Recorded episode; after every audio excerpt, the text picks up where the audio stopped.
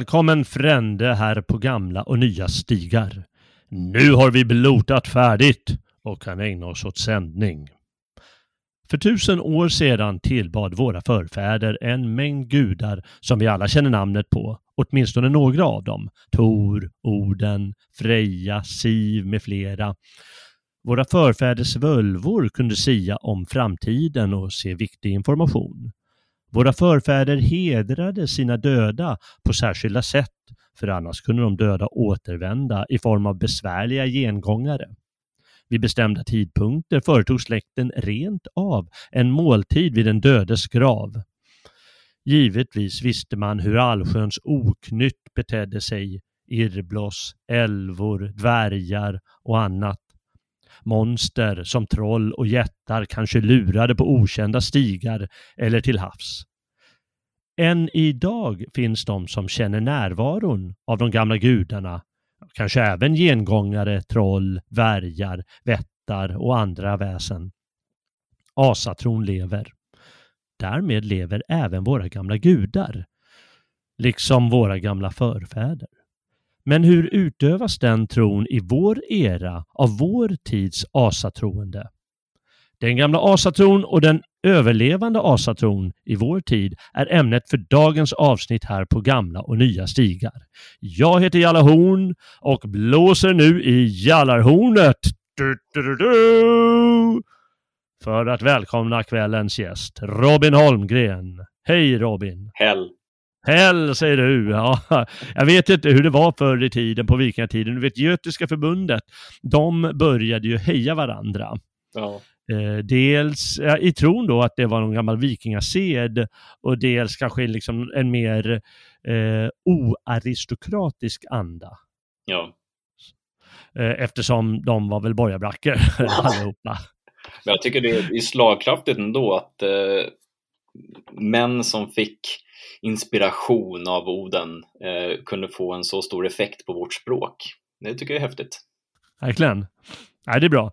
Eh, och så i början av februari, eh, eller någon gång i februari, eller i alla fall i vintern, eh, som, eh, eller någon gång i januari ska jag säga, då blotade man visst. Eh, så man kan väl säga att jag på sätt och vis hade rätt i början att vi har blotat färdigt. Ja, du tänker på Disa-blotet och den eh, uppstoppade hästballen kanske? Ja, ah, vilket underbart, mm. eh, vilken underbar kultritual. ja. ja. Eh, det finns, är det två eller tre blot eh, man har på vintern? Oj, det frågar du mig. Jag vet inte, jag brukar bara fira ett under vintertid. Eh, ja. Ett spe specifikt då, alltså julblotet. Julblotet, ja. Men du kan ju säkerligen blota flera gånger. Mm.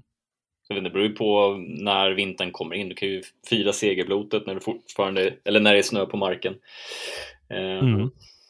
Påsken lika så. Alltså, Men man måste väl följa någon eh, form av kalender? När man, eh, när man firar de här högtiderna. Det är det som är så pass spännande för att eh, det är både ja och nej. Julen till exempel behöver ju inte specifikt vara under midvinternatten utan det kan ju även vara när det är fullmåne exempelvis. Eh, det finns väldigt intressanta teorier kring det, eh, om hur man firade jul förut och när man gjorde det framförallt. Men det är en bra fråga, för jag tycker den är, så, den är så pass svår i och med att vi är så pass individuella, vi hedningar. Eh, ofta så blotar vi själva livet ut. Eh, så att sättet man blotar, när man blotar, är ofta väldigt individuellt, även fast du har ju såklart jul och midsommar som huvudfokus. Mm. Ja, vi kanske kommer fram till någonting allt eftersom här. Jag kan ju egentligen inget särskilt eh, om det här. Jag har inga erfarenheter, men du har alltså erfarenheter. Är det så? Ja. Ja. Varför då? Alltså jag har ju varit hedning sen, ska vara helt ärlig så minns jag inte riktigt, men det var någon gång när jag var 12, 13 eller 14 som jag kände allfaderns blick helt enkelt och så tog det mig ett tag att hitta honom. Eh, och eh, jag började tidigt blota själv. Eh, hade ingen aning om vad jag gjorde utan jag bara följde inspirationen som jag hade. Efter några år så började jag ha blot med andra eh, med vänner. Eh, och till slut, så, ja, som störst så har jag väl haft 50, 60, 70 deltagare tror jag. Jag har föreläst om hedendom i gymnasiet. Jag har blivit intervjuad för en eh, doktorsavhandling i Paris om hednisk tro. Så det är väl det. Jag var mer aktiv på, lite större, på den större skalan när jag var yngre. Sen när man skaffar familj och sådär, då har man inte så mycket tid över för de här större sakerna. Jag förstår. Eh, har du varit med i eh, någon, något eh, samfund eller någon förening eller något sånt? Eh, eller har det mest varit eh, att ni har eh, varit bekanta? Jag var med i Asa True Folk Assembly för ett tag sedan, men jag hade aldrig tid att ta mig till bloten i ärlighetens namn. Så att där är jag inte med längre. Fast jag tycker att av alla samfund som jag har stött på genom livet mm. så har det varit det absolut vettigaste både när det kommer till själva kulten men också ideologierna, filosofierna och dylikt. Okej. Okay. Just att du har, har varit med i ett sånt här samfund eller liksom ägnat dig åt den religionen eller vad menar du med det vettigaste du gjort i livet eller tagit kontakt med det här eller? Nu förstår inte jag riktigt din fråga. Nej, men du, du sa det är det vettigaste jag gjort i livet. Nej, det, det är det vettigaste samfundet som jag har stött på genom livet. Och jag har stött på ganska många. Ah, bra, då, då var jag, det var jag som uh, tänkte och inte lyssnade hundraprocentigt samtidigt. Ja, jallarhornet i örat. Och... ja, precis. Uh, men de här Folk Assembly, mm. de är, de, de har det engelska namnet. Ja, det är ett amerikanskt samfund från början Precis. som har spridit sig mm. runt även till ja, Europa, Australien och dylikt. Då. Ja, just det. Eh, så de finns väl eh, över hela världen kan jag tänka mig, men det är ju förbehållet europeer, eh, vilket är korrekt i och med att det är en blodstro. Just det. Just det. Ja, ja, men det är väl vettigt. Det finns ju, om man googlar får man ju upp några andra som verkar lite mer, jag vet inte om de är lite mjölksilligare eller så. Samfundet Fornsed. Ja, nej, börja inte. Ja, precis. Hur är det med Nordiska Asasamfundet? Ja, Ja, jag har varit på ett av deras blot faktiskt när jag ja. var ja, ganska ung och det var ju jag bad, det är faktiskt enda gången som jag efter ett blot har bett Oden om ursäkt att jag deltog. Är de så hemska? Varför är de så hemska? Därför att när det inte har någonting med, med hednisk kult att göra utan man har efterapat mer nutida ritualer.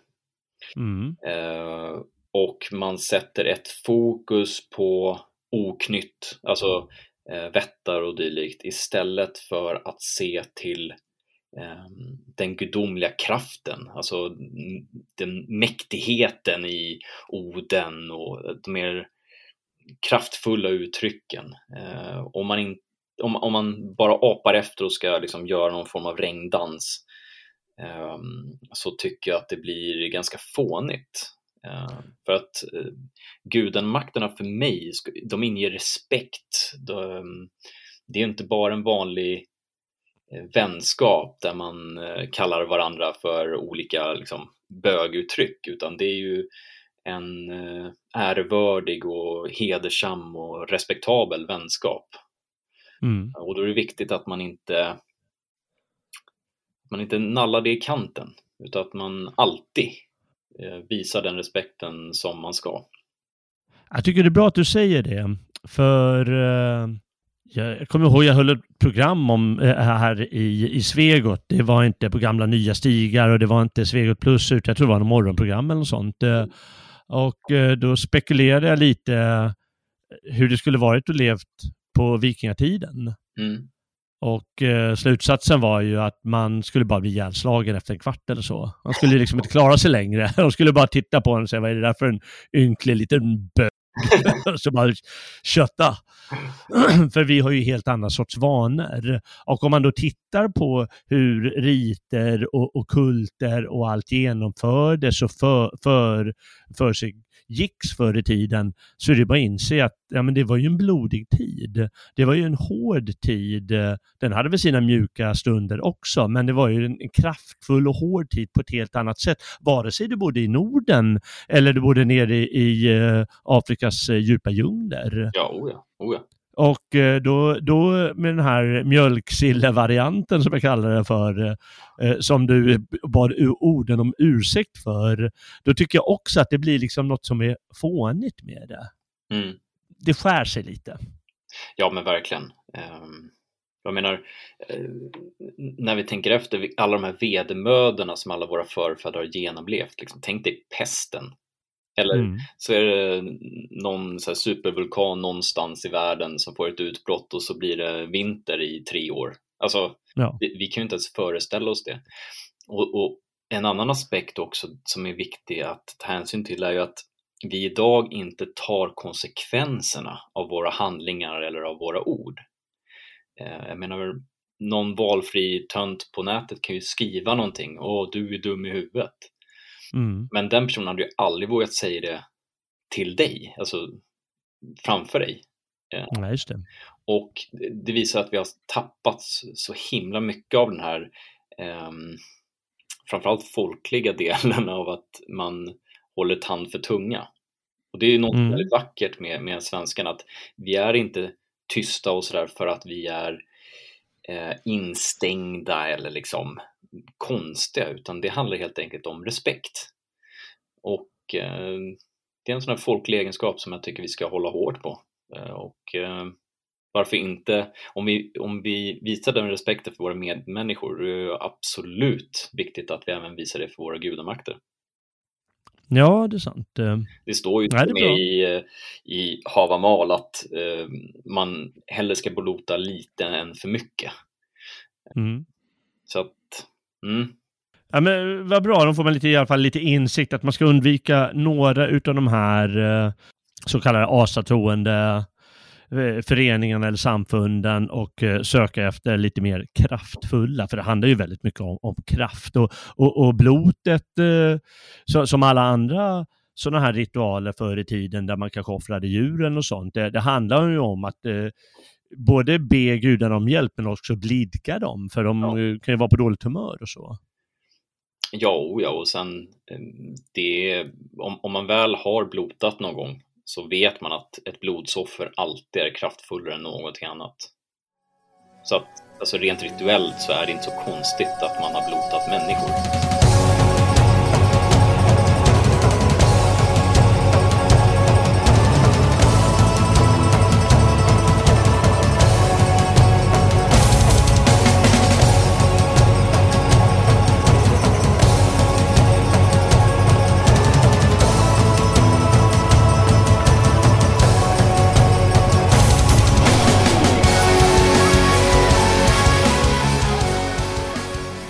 Jag, jag, jag, kan inte och jag vet inte om man, man kan inte så mycket. Eh, sakerna, när jag säger att vi inte kan som, eller vet så mycket är det ju förstås att eh, vi har både tur och otur här uppe i, i Norden. Mm. Vi har ju tur på den sätten att det finns ju jättemycket böcker från förr i tiden. Mm. Även om de är ju faktiskt skrivna lite sent, de är skrivna eh, det mesta när det har blivit kristet.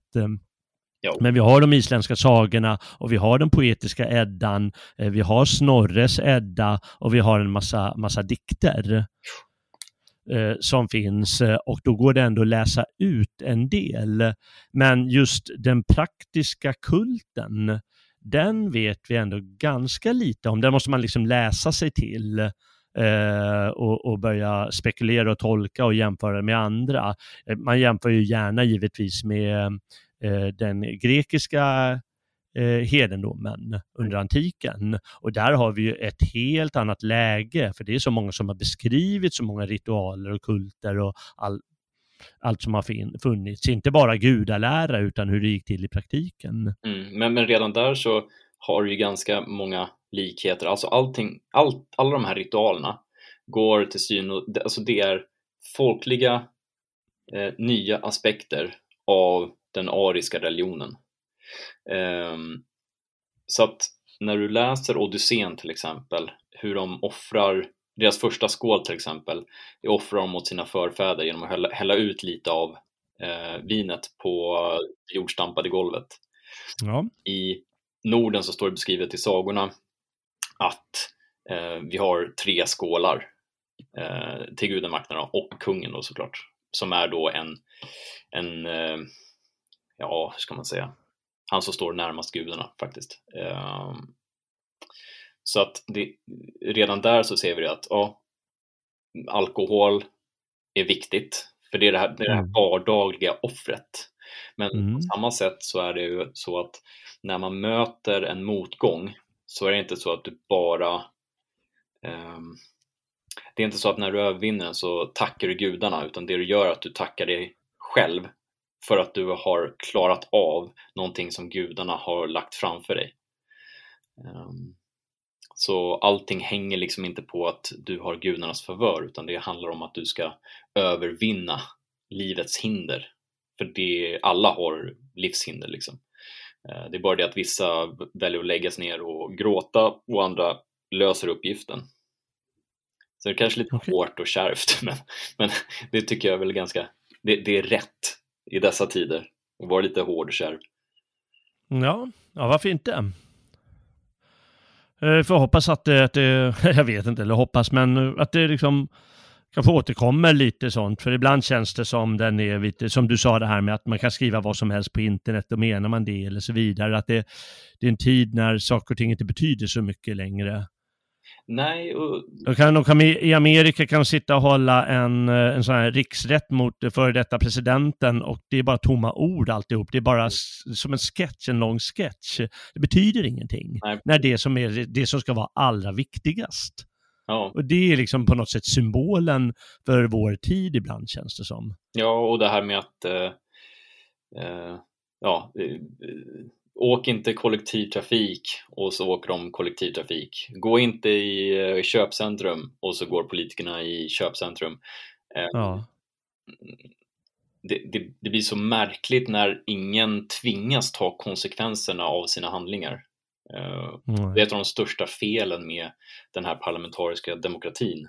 Eh, Det är just det att ingen får stå till svars. Det är ingen Nej, som blir hängd. Det är ingen som blir liksom skymfad för att de har liksom svikit ett förtroende. Um... ja. Jag förstår vad du menar. Man skulle behöva kunna utmana varandra på tinget eller något sånt. Eh. En holmgång ja, ja, ja, Om det är någon man tröttnat på liksom. Ja. Om, om, om, om den där Hult, Hultqvist eller vad han heter, den där mm, lilla tjocka vapenvägraren eh, med sitt låtsasdalmål. Om han har uppfört sig skurkaktigt, ja då får, borde någon få utmana honom på holmgång och göra processen kort. ja man, man tycker ju att det borde vara ganska rimligt i alla fall. Ja, jag tycker nog också det. Det, det är också någonting som, är, nå, någonting som vi inte har idag. Vi har ingen rituell våldsutövning eh, för att skipa lag och rätt. Mm. Vi har inte heller förmågan att ingå en förlikning som beskrivs ganska mycket i, i Egil Skallagrimssons saga, där det sker Mm. väldigt många förlikningar. Och vad innebär det då? Jo, det innebär alltså att eh, två hedniska parter eh, talar med varandra för att hitta en lösning på ett problem. Ja, just det. Eh, något sånt har vi inte idag, utan nu betalar vi hutlösa pengar för att andra människor som inte bryr sig om det här ska eh, föra din talan. Och Ja. oftast om det är till exempel ett våldsbrott så får du en tilldelad advokat typ 10 minuter innan rättegången börjar. Som snabbt har läst igenom förundersökningen. Mm. Jag menar, det, det är inte värdigt. Nej, det är sant. Eh, Nej, det är sant. Nej, du har rätt. Det är, det, nej, men det är verkligen konstigt. Eh, Jag bara tänker tillbaka lite på just eget Skallagrimsson som båda eh, har läst eller håller på att läsa här nu eftersom vi ska hålla ett avsnitt om det också, Mm. eh, vad det lider här. Och jag menar, där, det är som du säger, att man möts och man gör upp om någonting. Det kan vara att någon har begått en oförrätt eller kanske släktingar har gjort det eller någonting. Och ofta är det ju gåvoutbyte eftersom eh, under vikingatiden så var just det utbytandet av gåvor eh, nä nästan symboliskt. Mm. att det betydde någonting mycket mer än eh, bara att här får du en present, utan ja, det, det, betyder att vi är fränder på sätt och vis, mm. till, tills någon ångrar sig. Ja, men verkligen. Vilket också händer.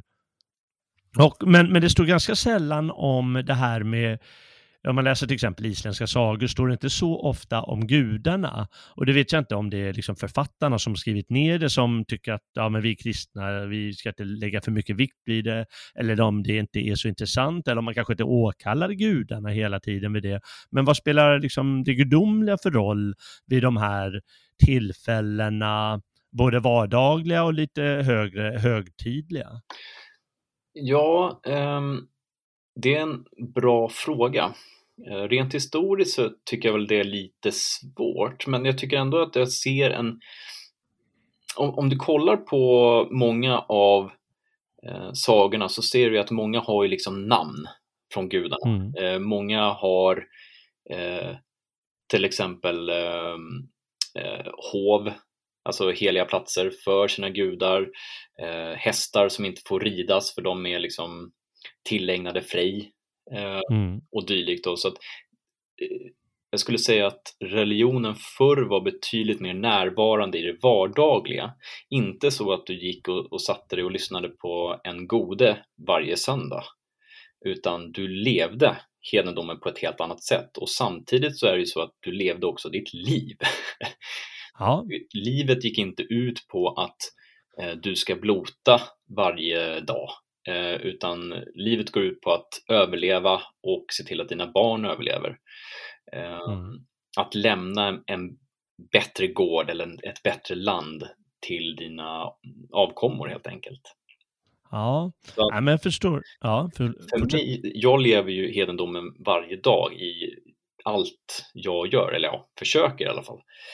Eh, som nu till exempel innan vi satte oss ner och och talade om det här eh, så hade jag ont i huvudet för jag har jobbat för mycket, suttit framför en dataskärm. Mm. Och eh, den här slöfocken inom mig, han säger det, ja, men kan du inte ta en proteinbar och lägga dig i sängen? Ja, det, det hade varit jätteskönt. Slå på en film eller något och sitta och bara ta det lugnt.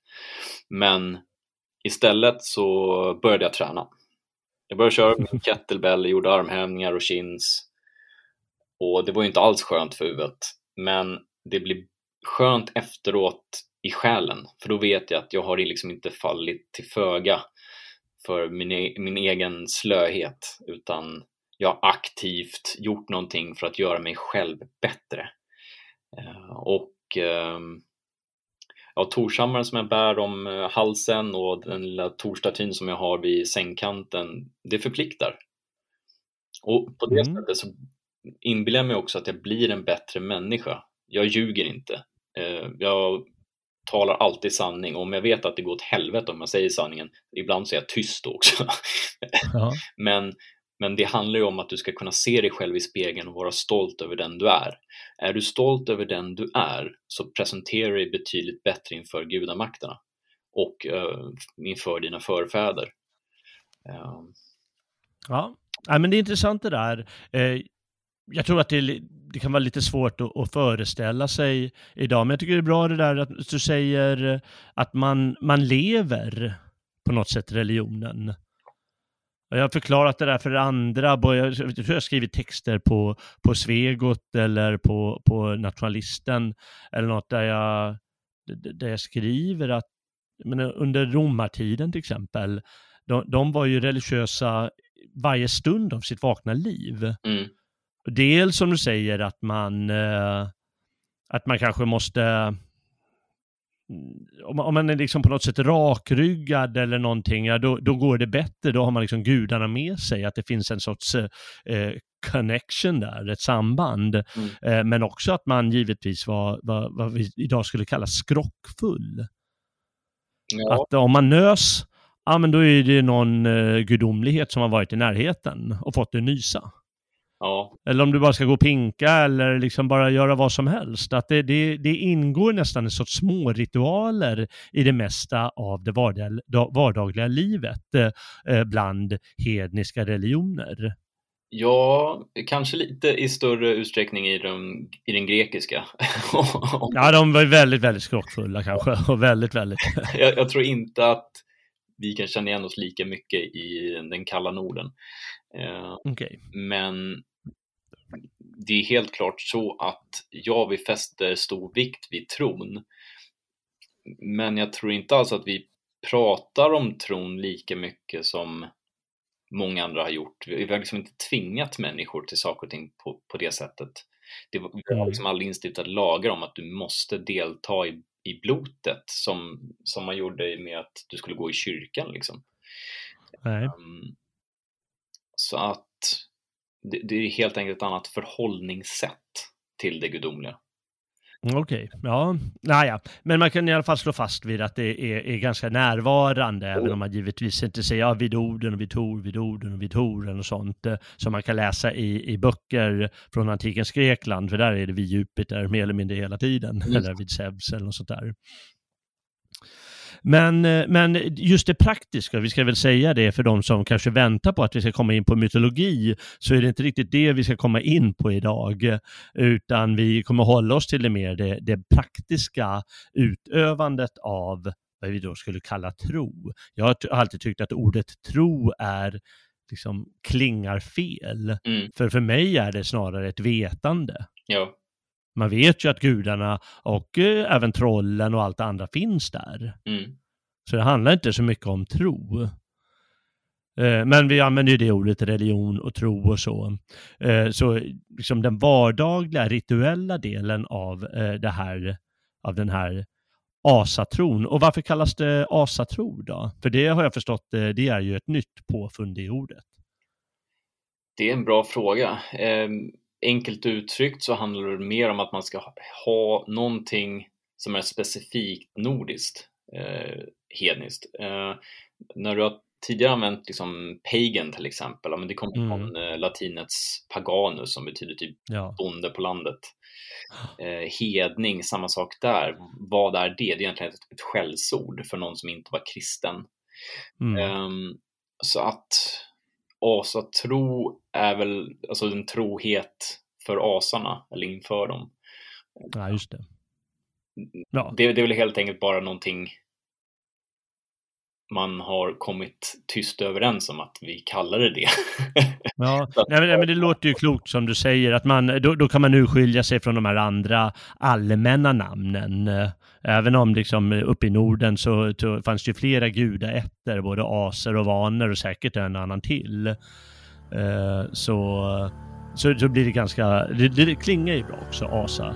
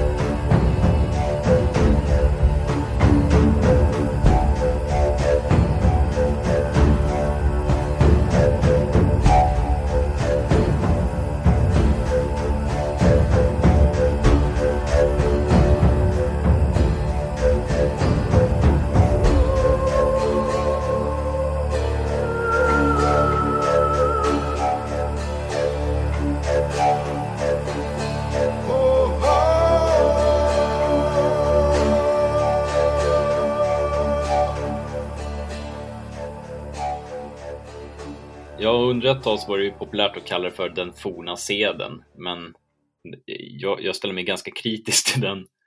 Ja, just det. Ja. ja men det, det står med jämna mellanrum i uh, isländska sagor att uh, det står det här ordet den gamla lagen. Det betyder ju bara det, den gamla lagen. Och det är liksom de gamla sedvänjorna. Det behöver ju inte bara ha med, med troendet eller med gudarna och så att göra, utan liksom praktiska förhållningssätt, hur man, hur man håller ting till exempel. Mm kan ju vara en del av den gamla lagen. Så det är väl egentligen bara det det i grunden betyder. Och sen så kan man fylla det med flera saker. Ja, jag tänkte bara gå in när vi, när vi läser de isländska sagorna till exempel och eh, vi går in på, när det står beskrivet om holmgång till exempel, då mm. vet vi ju att det fanns en hel del ritualer kopplade till just en holmgång. Hur man stoppade ja. runt man åkallade tyr och dylikt. Då. Så att, mm. eh, det, är mycket som försiggår bakom berättelserna som är ja. Eh, hedniskt rituella i sin grund. Just det. Men det framkommer ju inte alltid. Nej, och det, det var lite det jag sa med källäget också, mm. att eh, det är ju faktiskt, det, det är bara att inse, det är lite sorgligt, det är lite oturligt för vår eh, del, att det, finns, att det inte finns lite mer, för man är ju så nyfiken givetvis eh, på hur det gick till. Eh, från, från som sagt Grekland, då finns det folk som har skrivit reseberättelser. Mm och andra så, skildringar som, och då kommer fram de här sederna lite, ja på den platsen gör de så, si och så när de ska göra det och det. Men riktigt så kommer inte fram i, i de källor vi har över eh, eh det gamla, de gamla eh, nordbornas hedendom. Mm. Men så är det. Du sa det här med ritualer och det har vi sagt några gånger det ordet. Eh, och eh, vilka ritualer har du varit med om? Förutom den här allmänna blotet då, som alltså är då ett, ett sorts offer till, till gudarna helt enkelt. Eh, men det kan kanske säga någonting om blotet, men också andra ritualer? Ja, vattenösning av barn till exempel. Eh, mm. Och det, det, kanske vi ska säga på en gång där att det med vattenösning så det fanns alltså här i Norden vattenösning av barn. Ja, ja. Då man faktiskt, man, och det, det, finns tydligen olika ord för det. Det finns vattenösning för barn och det finns vattenösning som de kristna använder. Och det är två olika, eh, man använder lite olika ord eh, på, på, på isländska då. Mm. När, när det står om det. Mm. Uh, men så är det åminnelseblot för fallna. Um, kan det vara mer? Ja. Jag tänker på sånt som du har kanske varit delaktig i. Ja, det är ju de. Eh, ja, okej. Okay. Jag tänker att blod kan ju liksom riktas in beroende på vad det är för något, vilken tid på året som sagt, om det är någon speciell händelse som man ska tacka för. Eh, det kan ju vara jättelitet, att man tänder ett ljus och häller upp i en offerskål till exempel i sin bokhylla. Eh, och det kan mm. vara någonting mycket större. Det kan vara offer av den första skördade jordgubben. Det finns många sådana där mindre blot som spelar ganska stor roll för oss som har gjort det här i många år. Um, så är det ofta de mindre sakerna som påverkar mer än de större. Uh, mm. Den här vardagligheten som vi är inne på, att leva sin tro, den är, den är rätt mysig faktiskt. Ja, okej. Okay. Ja. ja vi, vi kommer in på någon form av relevans här och, och det blir ju det, det, centrala i många av de här gamla eh, riterna som fanns. Ehm, mm. Eh, en central grej var ju förstås det här med fruktbarhet. Mm. Och det var liksom väldigt viktigt inslag i många, både som tacksamhet för skörd eller inför skörd eller att eh, marken ska bli fruktbar det här året. Eh, det var väl en central del av midvinterblodet, eh, tänker jag. Och det är ju inte aktuellt för oss. Vi går, i, vi går i affären och köper vår mat. Vi behöver inte den formen av eh, eh önskan eller åkallan. Och blir det då, jag ska inte kalla det mysighetsfaktorn som det avgör, men, men vad, vad, vad, blir det, vad blir det istället utan att det ska bli så mysigt bara? Som en jordgubbe? um, det beror på lite vad man är ute efter. Vill man ha kraft så räcker ju inte en jordgubbe. Nej, nej, du sa ju det själv det här med jordgubben, att eh, årets första jordgubben. Ja. Och det kan man ju förstå, för det är ju en särskild känsla med den och eh, det får man ju vara tacksam för. Eh, men det känns ju i sammanhanget, i våra sammanhang i alla fall, att ja, det är bara en jordgubbe, det finns en miljard och om inte det finns så finns det ett, eh, något annat där borta och växer Mm. inte där så kan jag gå till affären och köpa det. Ja, eh, jag offrar ju aldrig någonting som jag har köpt på det sättet. Eh, Ah, okej. Jag försöker så långt det är möjligt att offra saker och ting som jag antingen har gjort själv eller som jag varit delaktig i. Eh, eller motsvarande, Nå- någonting jag har odlat eller eh, ja, någonting sådant. Mm. Eh, just för att det blir mer äkta. Det blir inte det här, jag går och offrar en köttbit som jag köpte på Konsum. Mm. För det blir så konstigt. Men, men samtidigt Ja, det, ja, men det är är klart. ändå, eh, men det är lite den här min, min ortodoxi i det hela, liksom, för att en, man måste ändå förstå att det är så människor får sin mat numera. Mm. Um, så i sig är det inte så konstigt. Um, Nej. Nej, men jag tänkte lite mer på, på relevansen, men jag, den kanske fylls också när man, när man har sina gudar närvarande. Eh, Jag försöker föreställa själv, för jag är ju eh, dessvärre, jag väntar på att gudarna ska vakna och börja knalla omkring på gatan här, men de, de, han syns dåligt. Men de kommer nog snart, jag hoppas på det bästa. tillräckligt bra, vet du, det är det. Ja, nej men det här med relevansen, eh, när jag menar att eh, för tusen år sedan, Mm. då var det viktigt att genomföra den här, de här ritualerna för att få eh, fruktbarheten i marken, för annars låg man put till Mm. och tillvaron blev jäkligt jobbiga. Ens, eh, en, några av sina barn, ens barn kommer att dö av svält och så vidare. Mm. Nu när den relevansen inte är aktuell, hur fungerar då ritualen och förhållande till de gudomliga makterna? Det är det jag funderar på. Och då tänker jag kanske att om man väl känner av den här gudomligheten, då, in, innebär, då, då växer en viss respekt och då blir eh, den här förståelsen för vad jag då kallar irrelevant i livet blir kanske mer betydelsefull. Mm. Men du kan ju vända på det där. Eh, Mm, om vi säger att det var ett blot som vi hade för tusen år sedan då, eh, mm, för fruktbarheten, alltså för, eh, din, för att du skulle få en bra skörd och så vidare. Fruktbarhetsaspekten är ju fortfarande någonting som påverkar dig idag. Det mm, kan vara eh, om du har svårt att få barn, det kan vara att offra så att inte dina barn blir sjuka. Eh, eller att de klarar av någon vedermöda. Eh, det kan vara eh, ett desperat hopp om att hålla familjen intakt. ja just det. Jag menar, vi, ja, vi lever inte alls lika hårda liv, men vi lever otroligt stressade liv. Och med det så kommer en hel del problem. Och det är problem som där vi enkelt då kan tända upp en eld och så pratar vi om de här problemen med gudamakten och vi, vi offrar åt dem för att de ska ge oss en liten push framåt. Ehm, helt enkelt. Uh, Ja. Ge mig kraften att, att klara ut av eh, den här motgången eller eh, den här problematiken som jag ställts inför eller som eh, min bättre hälft har ställts inför eller mina barn har ställts inför. Um, så det, det, de här stora frågorna är alltid relevanta. Enda skillnaden är att de tar sig olika uttryck. Nej, vi svälter inte lika mycket idag, utan vi äter oss till döds istället. Ge Mm. mig kraften att stå emot mina egna låga begär. Jaha. Ge mig kraften att inte vara en ja-sägare utan att jag vågar gå min egen väg. Att jag vågar sitta där framför mina släktingar och säga att vet du vad, jag tycker det är en jävligt dålig idé att byta ut vårt folk mot andra raser.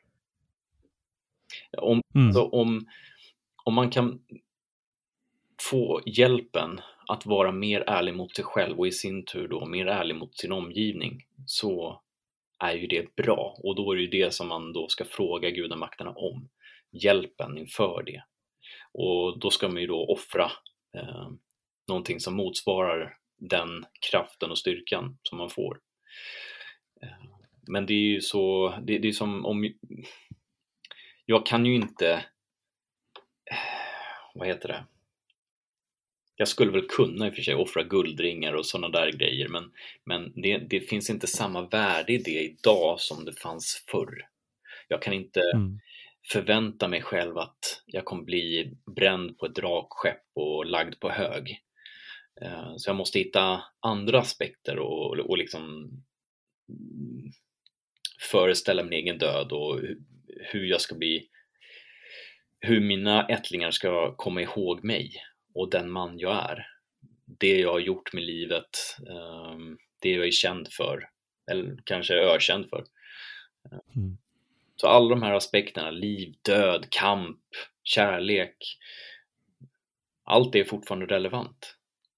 Ja, ja men det är bra sagt. Eh, det, det, det är bra, det får en att tänka till att eh, jag menar, i vår tid av överflöd så finns det ändå, som du säger, det finns problem och det finns konstiga saker som sker och det finns saker som är betydelsefulla som vi, som vi måste akta på något vänster. Och då kanske det går lättare om man, ja, om man är hedning, om man är asatroende då. Ja. Ja. Eh, jag tänkte jag kan ta bara några ritualer från eh, just eh, den forna seden, den gamla tiden. Mm -hmm som, som jag bara läste i en bok här. En uh, halvt religionshistorisk bok här som jag tyckte var lite boken, intressant. Seden av Östen Kjellman eller? Nej, det är inte från den. Nej, jag bara sa det ordet ja, nu. Ja, skönt. Ja. Uh, vi kan nämna den boken sen här, utan nej, det var någon annan uh, uh, sån bok bara. Jag tyckte det var lite intressant att, att ta bara hur man, hur man levde förr och, och kanske saker som då kan gå igen idag eller som kanske saknas idag. Mm. Eh, vi kan väl se.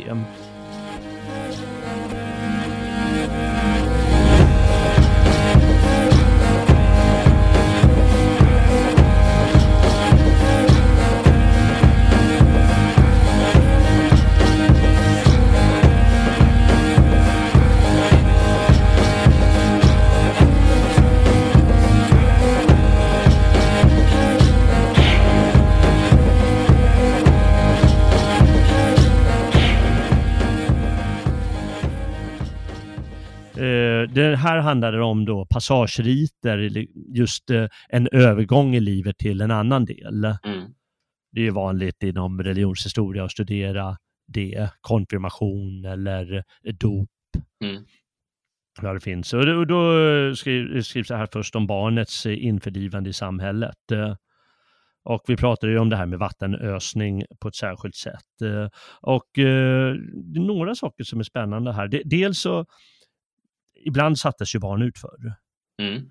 Men det fanns tydligen eh, eh, regler och lagar kring det där eh, när, alltså det sågs fullständigt omoraliskt och förkastligt att sätta ut barn om det var en vanlig välmående familj. Mm. Då gjorde du inte det. Såvida inte barnet var eh, missbildat. Då, då krävdes kanske snarare tvärtom att eh, du la ut barnet så att det skulle dö. Mm. För det vill, de, det vill, vi, inte, vill vi inte ha. I, det kände vi från alla möjliga håll. I, i Rom gick man, fanns en sophög för det där mer eller mindre. Det var helt tokigt. Spartanerna kastade från en, från en klippa sägs det. Barn som var missbildade. Mm. Och eh, tydligen gjorde vi väl något liknande här om, det insåg, om, det, om man insåg att det här barnet kommer knappast att överleva. Men i vanliga fall gjorde man inte det. Och så fanns det tydligen inom den här lagen att eh, när barnet hade lagts till moderns bröst, då, fick, då var det för sent helt enkelt med en sån handling. Och det var liksom en närmast symbolisk rituell del att barnet läggs till moderns bröst. Mm. Efter en stund efter födseln. När, jag vet inte vem som skulle ha granskat barnet då, men i alla fall eh, vacker, väldigt vacker symbolisk eh, symbol vi håller oss till det. Mm. Eh, en annan då att eh, man fick inte heller lägga ut barnet efter att det vattenösts.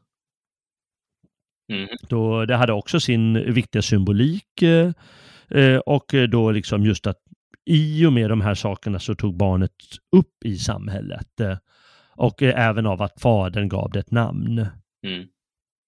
Så det, det är ganska intressant. Givetvis idag tycker vi förkastligt att låta alla barn förgå, förutom förstås i abortens fall. Då, då får man göra vad som helst tydligen.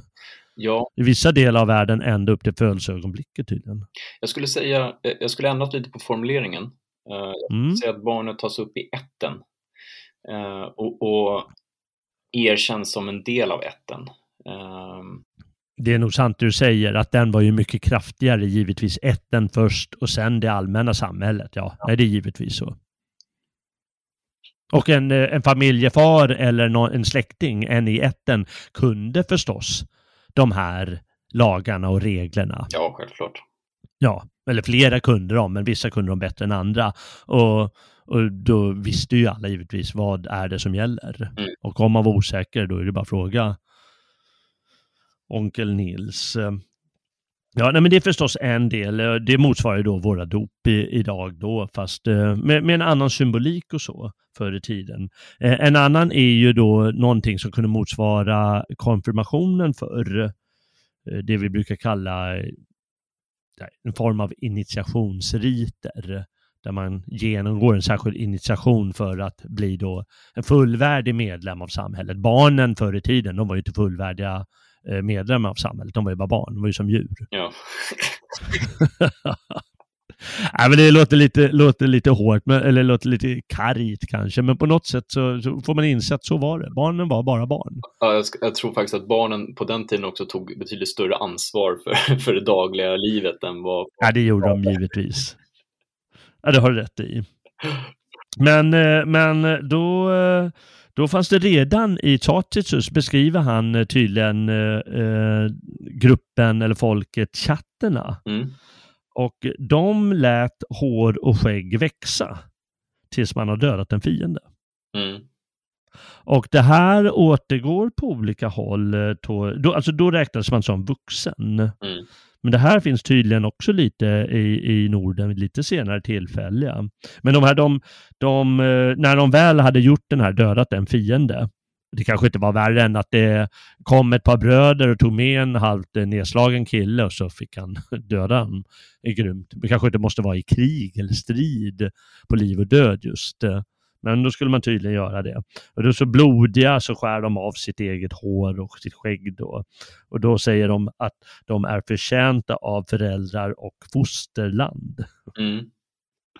Ja, Om, men då förstår man också betydelsefulla av, betydelsen av ett och folk och, och jord eller vad man nu tänker för något. ja, I en Jarl saga så, så är, jag tror det är Hallberra som säger det, Mm. klagar över någon, om det är en Jarl till och med, eh, att han är så omanlig för att han inte har någon skägg.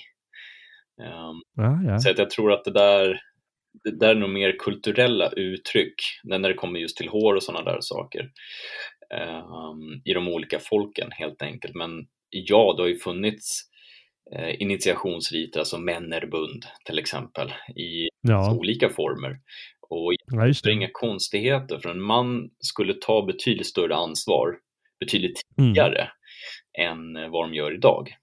Ehm, så att du hade en helt annan plikt Ja. för din ett, ditt folk, din stam, eh, ditt land ehm, än vad du har idag.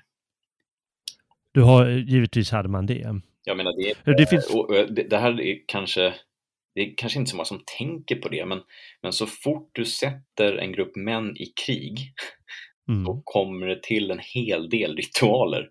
Eh, Ja, det bara blommar fram eh, organiskt. Ja, Ja, det går väldigt fort också, tänker jag. Oh ja. Och du vet extremt snabbt vilka du kan li- lita på och inte. Ja, just det. Eh, och, och det har jag ju sett liksom, män som inte klarar av sin första gång, eh, som blir alldeles för nervösa, de, de får höra det tills de lämnar gruppen så att säga. Ja, Så det är väldigt hårt och kärvt i, i ja, de där i de kulturerna och om du är uppfödd under en tid då det är krig hela tiden på ett eller annat Mm. sätt. Då är det Mm. självklart att det kommer påverka initiationsriter och, och dylikt. Liksom.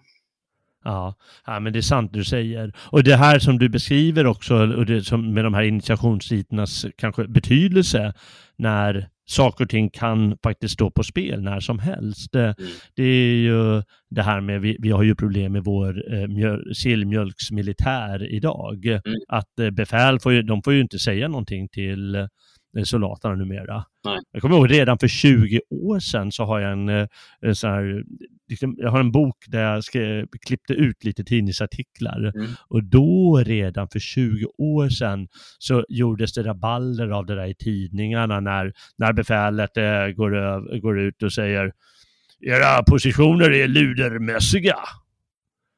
Och det var ju fruktansvärt att säga, då måste han avskedas. Mm. Ungefär. Det är- som är alldeles självklart, för om man inte tål att höra det, då kommer man ju inte klara av att avlossa ett enda skott. Nej, det, det är ju liksom så. Eh, Mm. så att, Och så, så hans, vad jag menar är hans drillning, den är rituell. oh ja. Det är så man måste förstå det. När han säger det till soldaterna är ju inte att de är luder, utan det är en ritual. Ja. Som han genomför med dem. Alltså, För att de ska kunna bli soldater. precis. Precis som sen inom gruppen så har man då snabbt sina egna ritualer. Jag, har, jag kommer ihåg, jag gjorde lumpen för ungefär 20 år sedan. Eh, Mm. och eh, jag kommer ihåg en speciell man. Eh, han och jag stod på de olika politiska skalorna, tvärt emot Mm. varandra. Eh, Ja. men vi accepterade varandra och det var liksom inga konstigheter. Jag frågade honom dagen när vi muckade, ja, för att han, var ju, han har ju alltid varit så kritisk mot försvaret och sådär. Och eh, då frågade honom, "Men vad, vad tycker du så här i, efter, äh, i efterhand liksom? Var det värt det? Han bara, ja, det var värt det. Så att de här, förut så gjorde ju alla män värnplikt Mm. eh, på ett eller annat sätt. Eh, Och jag tror det är bra för det är fostrande och och det man lätt missar i de här tiderna, så här, nej men det, ibland får vi höra det från eh, högerhåll då att nej men det, staten ska aldrig tvinga eh, människor till den typen av arbete och sådär. Ja, jag Mm. håller inte riktigt med, alltså för att det är någonting som är så pass viktigt och nyttigt för att du ska växa som människa. Att ha det riktigt jävligt och det. klara ut av det. Jag menar, det är ingen, det är ingen som tvingar ut dig på en marsch eh, med syftet att eh, du ska dö, utan det handlar om att du ska klara ut av det. Ja. Eh, Och eh, vi klarar så betydligt mycket mer än vad vi tror, just eftersom vi inte vi är inte vana vid att pressa oss ens halvvägs mot vad, vad vi kan klara av. Eh, Så det är nyttigt att Mm. få, och och få känna på lite lidande som man uppskattar Ja. saker och ting. Jag menar, Ja. det godaste jag någonsin har ätit var ju typ en knäckebrödsmacka med eh, rikligt med smör på efter en överlevnadsvecka. ja, just det. Alltså, det är det godaste som finns. Alltså. Och nu när jag kör periodisk fasta, alltså, jag älskar ju att äta mat. Men det är bara att jag Ja. äter så lite mat, så när jag väl äter det så är det underbart gott alltså. Ja, ja, ja, det är häftigt. eh. Ja, fantastiskt. eh. Eh, Det är ju, det är ju som säger en, en mognadsrit det där. Mm. Vi kan bara ta ett par andra exempel från den här, de fornnordiska källorna. Ett är till exempel Sigurd, Sigurd Fafnesbane, när han dödar draken. Då tolkar många det som en, som en övergångsrit. eh, eh, Att han får, han får kunskap när han smakar drakblodet. eh, Då får han särskilt kunskap. eh, Mm. Ungefär som blodet, eh, eller orden när han offrar sig i trädet. Mm. Det handlar om att få kunskap och det är också en sorts övergång. Räknar de med så här, olika stadier. Han är ju nere i en, en jordhåla, Sigurd, när han gör det. Och orden, han hänger i trädet mellan himmel och jord. Mm. Att det är liksom sådana här, eh, inte den vanliga fasta platsen när man går på jorden, utan det är där nere eller mellan eller något sånt. Eh, precis som man är då i den här övergången mellan eh, barn och vuxen, kanske som konfirmand eller som genomgår den här initiationsriten. Eh, en annan rolig var, eh, det står om någon som har en moder som heter Bera. Och det känner vi också igen från Egil Skallagrims saga, det var någon som hette Hallbera eller något sånt. Eh, och det, ordet Bera betyder ju björn.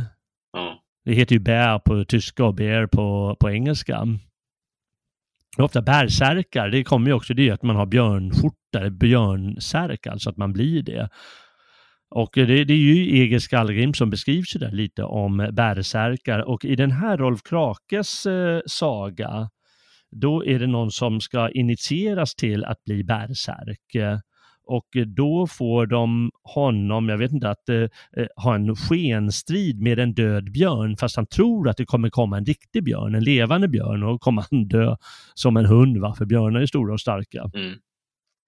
Men på något sätt så, så genomgår han den här ritualen och sen så blir då själva eh, eh, en kommunionsrit att han äter hjärtat eh, och, och dricker björnens blod. Och då får han björnens vildhet i sig så att han kan bli stor och stark och oslagbar mm. tidvis.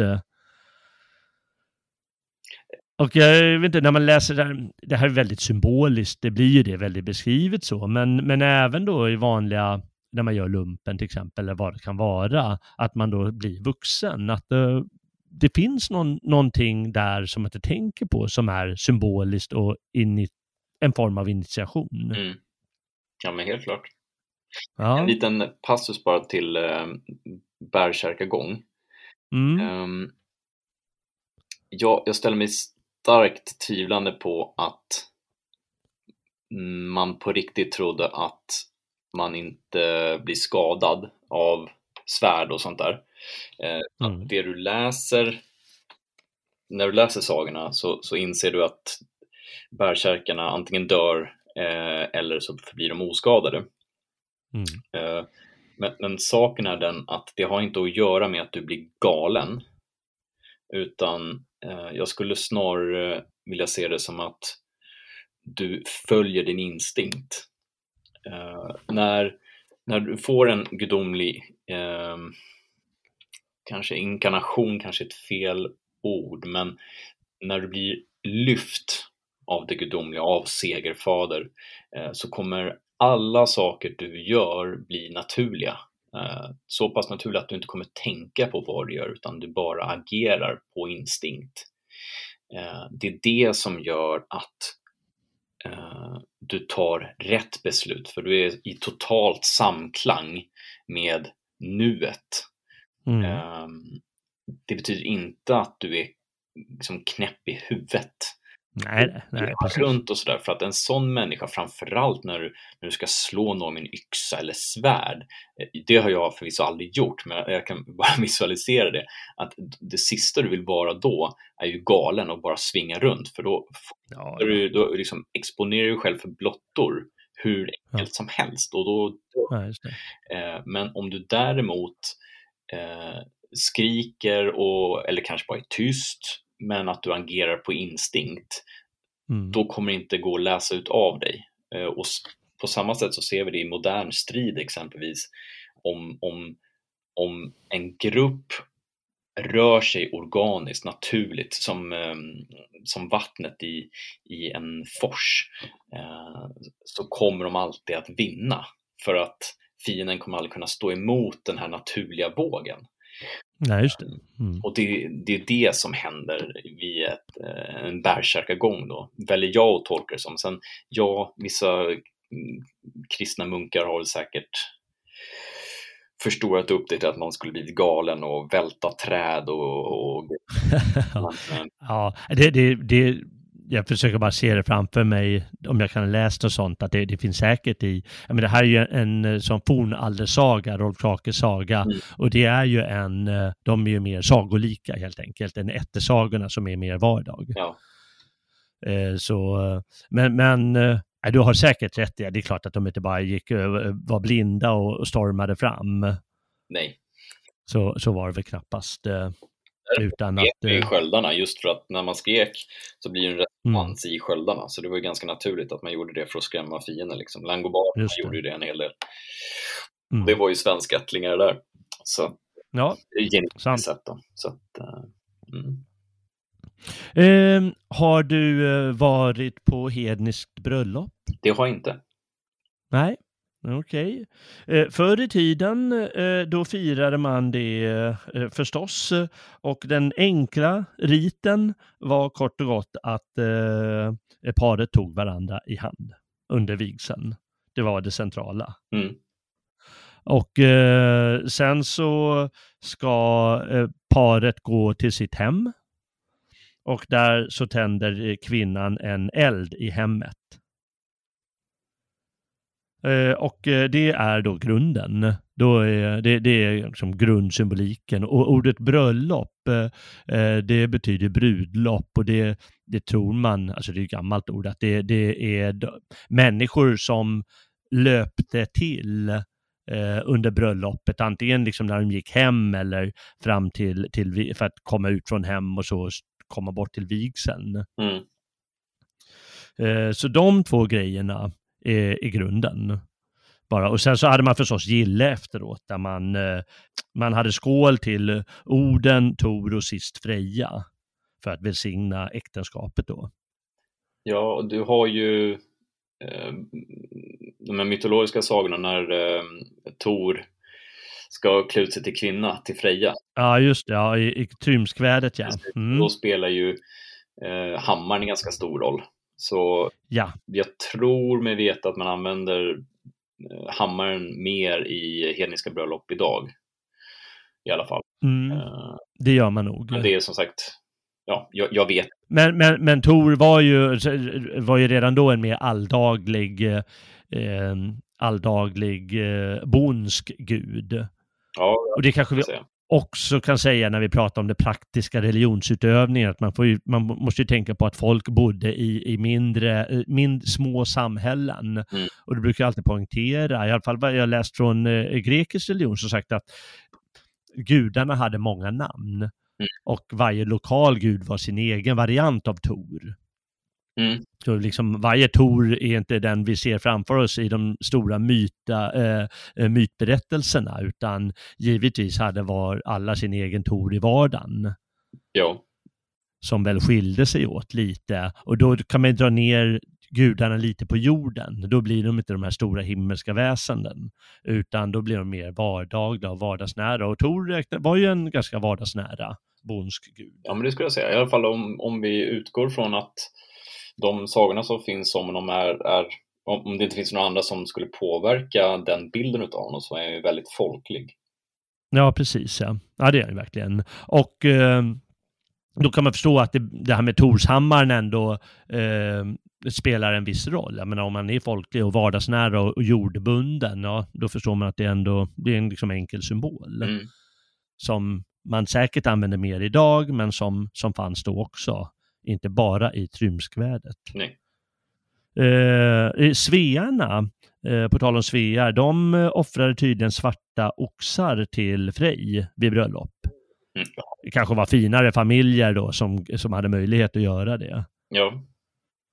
Men eh, ja, det är också, också, också något att ta fasta på. Normalt sett när man tänker på Frej så är det ju hästar och vildsvin som... Ja, precis.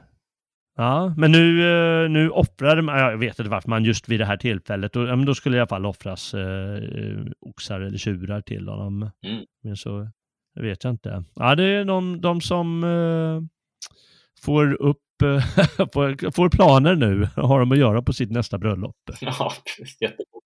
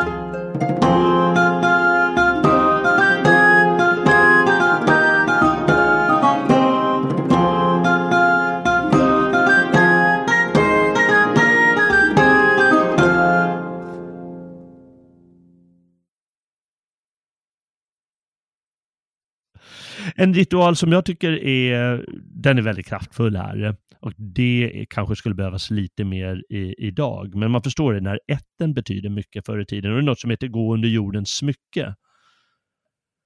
Det här känner inte jag. Får du berätta? Ja, det är... Eh, det fanns många olika, det fanns ett sätt att lösa tvister eller få nåd eller att ingå fostbrödralag. Och det är att man, man gräver ut en jordremsa. Och eh, då får man kanske tänka ungefär som gräsmatta så att den sitter ihop, ihop den här, att den ska, måste vara en meter lång ungefär. Mm. Eh, som ett stycke gräsmatta låter jorden hållas ihop eller om det är torv eller något sånt. Eh, och sen spänner man upp den med hjälp av grenar eller spjut eller någonting annat så att man kan gå eller krypa under den. Och då skapar det en helig plats där man eh, till exempel eh, Eh, möjliggör då en symbolisk fostbrödraskap. Eh, och då beskrivs det tydligen i Gisle som saga på, på följande vis. Eh, de gick, i, de gick nu ut till Eirarvalsudden och skar där upp jardarmen ur jorden så att båda ändarna var fast i jorden och satte under två spjut så att männen kunde ta sina händer och nå upp till spjutspikarna. De fyra skulle nu gå under den, Torgrim, Gisle, Torkel och Westein, och skära sig och låsa, låta sitt blod rinna samman i mullen ah, ja. som var uppskuren under görarmen och röra samman allt och sedan falla ner och svära en ed på att envar skulle hämna sin broder mm. och ta alla gudarna till vittne. Ja, Ja, eh, just den varianten är ju, det centrala där är väl att du blandar ditt blod du, precis, du blandar ditt jord. Alltså, eh, och det är ju ett vanligt, eh, det, det, är ju det, är det vanligaste offret kanske, att man häller ut någon, någon form av dryck. Va? Öl, vin, det kan ju väl vara vatten, olja eller blod rent av. Ja, o ja. Eh, det som är intressant med det, för att vi, när vi tänker oss att vi eh, skiftar blod när vi eh, blir blodsbröder exempelvis, mm. det är ju bara en väldigt avancerad variant av det. Mm. Ja, det är det ju förstås. Ja. Men det, det intressant är att eh, eh, man skapar en helig plats. Mm. Just genom den här symbolen, den här eh, ritualen att skära ut en bit jord. Jorden är ju, för att ändå tänka att det är ju liksom myllan är ju kraftfull i sig. Det är ju den som får oss att, att leva trots allt. Den är betydelsefull. Och underjorden betyder ju någonting får man ha klart för sig, jag har ju alltid gjort det. Och eh, då skapar just en helig plats för det här. Mm. Det fanns en annan variant av det, att man, eh, eh ska vi se, i Vattensdalarnas saga, eh, då är det för att undgå att dömas till fredlöshet, det vill säga att benådas.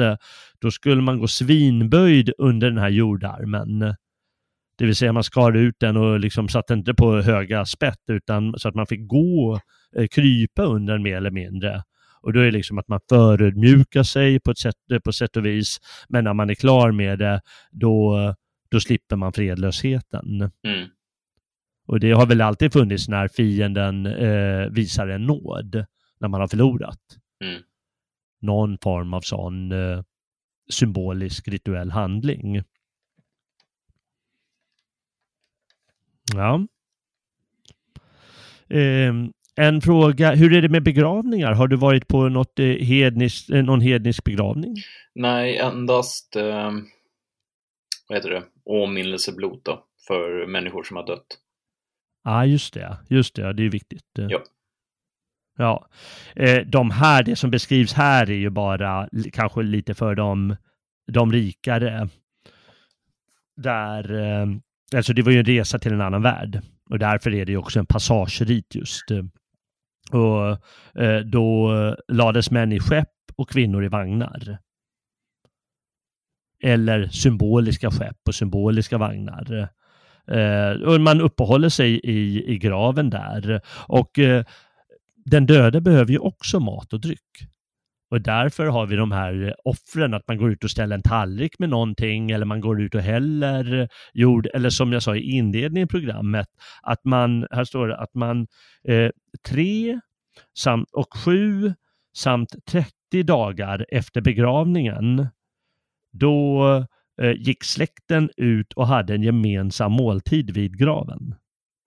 För han behöver också sällskap och mat och dryck, den här döda, eller hon. Mm. Um, det är mycket vanligt i de gamla sagorna att uh, man besöker sina förfäders gravar mm. uh, och har samtal med dem. Uh, ja, just det. Och ibland får du till och med ett svärd som tack för det. det är coolt. Men man har en helt, en, en större närhet till de döda. För man ser dem fortfarande som till del fortfarande levande.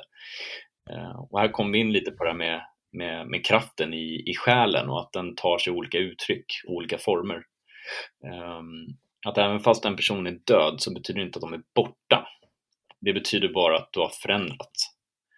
Ehm, Just det. Så att du lever fortfarande vidare. Um, det där är väldigt fascinerande. Sen när det kommer till det här med att lägga kvinnor i vagn, ja, säkert, men, men du har ju Oseberga skeppet i Norge till exempel, där hade du en kvinna i Ja, det är precis sant. Ja. Så, mm. eh, jag, jag, tror inte att